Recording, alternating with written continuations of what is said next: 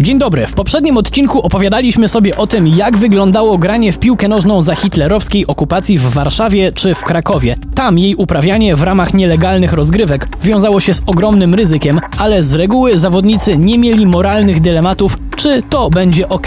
To wręcz był sposób na zrobienie czegoś przeciwko okupantowi. Było jednak takie miejsce w okupowanej Polsce, gdzie wszystko było trzy razy bardziej zagmatwane i moralnie ciężkie. Górny Śląsk. Czemu? Już tłumaczę. Przy mikrofonie Wojtek Drewniak zapraszam na kolejny odcinek programu w Drewniakach przez sport.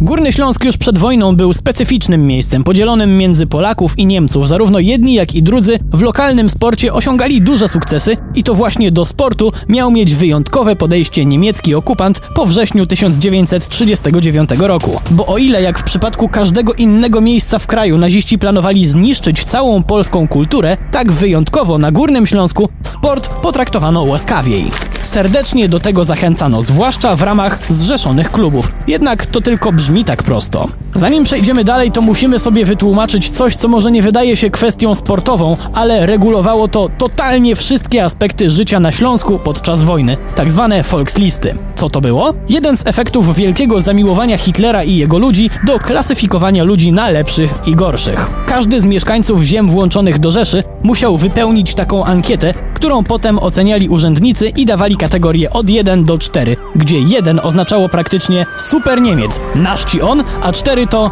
ledwo Niemiec. Ankieta była obowiązkowa, a im wyższa nota, tym większa szansa na karierę, również w sporcie. Do tego tematu jeszcze wrócimy. Tymczasem, jak naziści segregowali ludzi, to inni naziści reorganizowali piłkę nożną na Śląsku.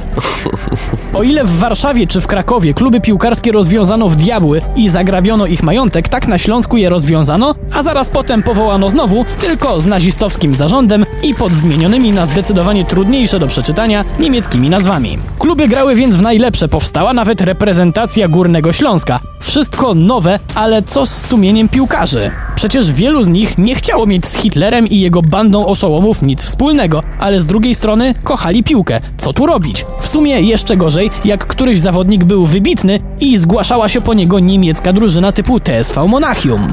Wśród piłkarzy z takim dylematem znalazło się wielu byłych reprezentantów Polski. Mieli potworny mętlik w głowie i wielu z nich poprosiło o radę swojego piłkarskiego ojca, Józefa Kałuże, trenera naszej kadry z lat 1932-1939.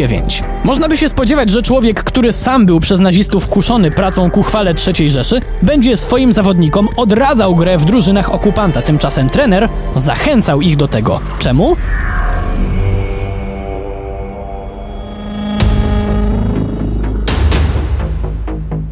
Nie czuję się na siłach, żeby tutaj wypowiadać się w jego imieniu, natomiast podejrzewam, i nie tylko ja, żeby było jasne, że trener doskonale rozumiał sytuację tych młodych chłopaków. Byli piłkarzami, a sport nie powinien mieć granic. Jak można nazwać piłkarza, który szczyt formy ma akurat wtedy, jak trwa wojna światowa, jeśli nie pechowcem? Trener wiedział też to, co pewnie mieli z tyłu głowy sami zawodnicy, że z dwojga złego lepiej już strzelać gole dla niemieckiej drużyny, niż strzelać z karabinu do własnych rodaków, bo trzeba się było z tym liczyć. Za odmowę była odsyłka do wojska. Niestety to nadal nie koniec pogmatwanej sytuacji piłkarzy na Górnym Śląsku, bo jak już się człowiek decydował grać dla Niemców, to nie znaczy, że wojenna codzienność i nazistowska propaganda przestawały go dotyczyć. O nie! I znowu najgorzej mieli ci najlepsi, bo trafiali na zgrupowania mające wyłonić najlepszych do kadry Niemiec. Piłka nożna była tam jednak tylko tłem, a głównym celem tych zjazdów było wpajanie nazistowskiej ideologii śląskim sportowcom. Czy się udawało?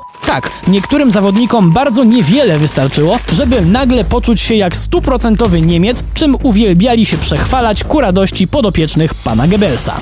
Jednak nawet propagandziści niemieccy nie mogli zmienić rzeczywistości. Trzecia Rzesza i sojusznicy przegrali na szczęście wojnę.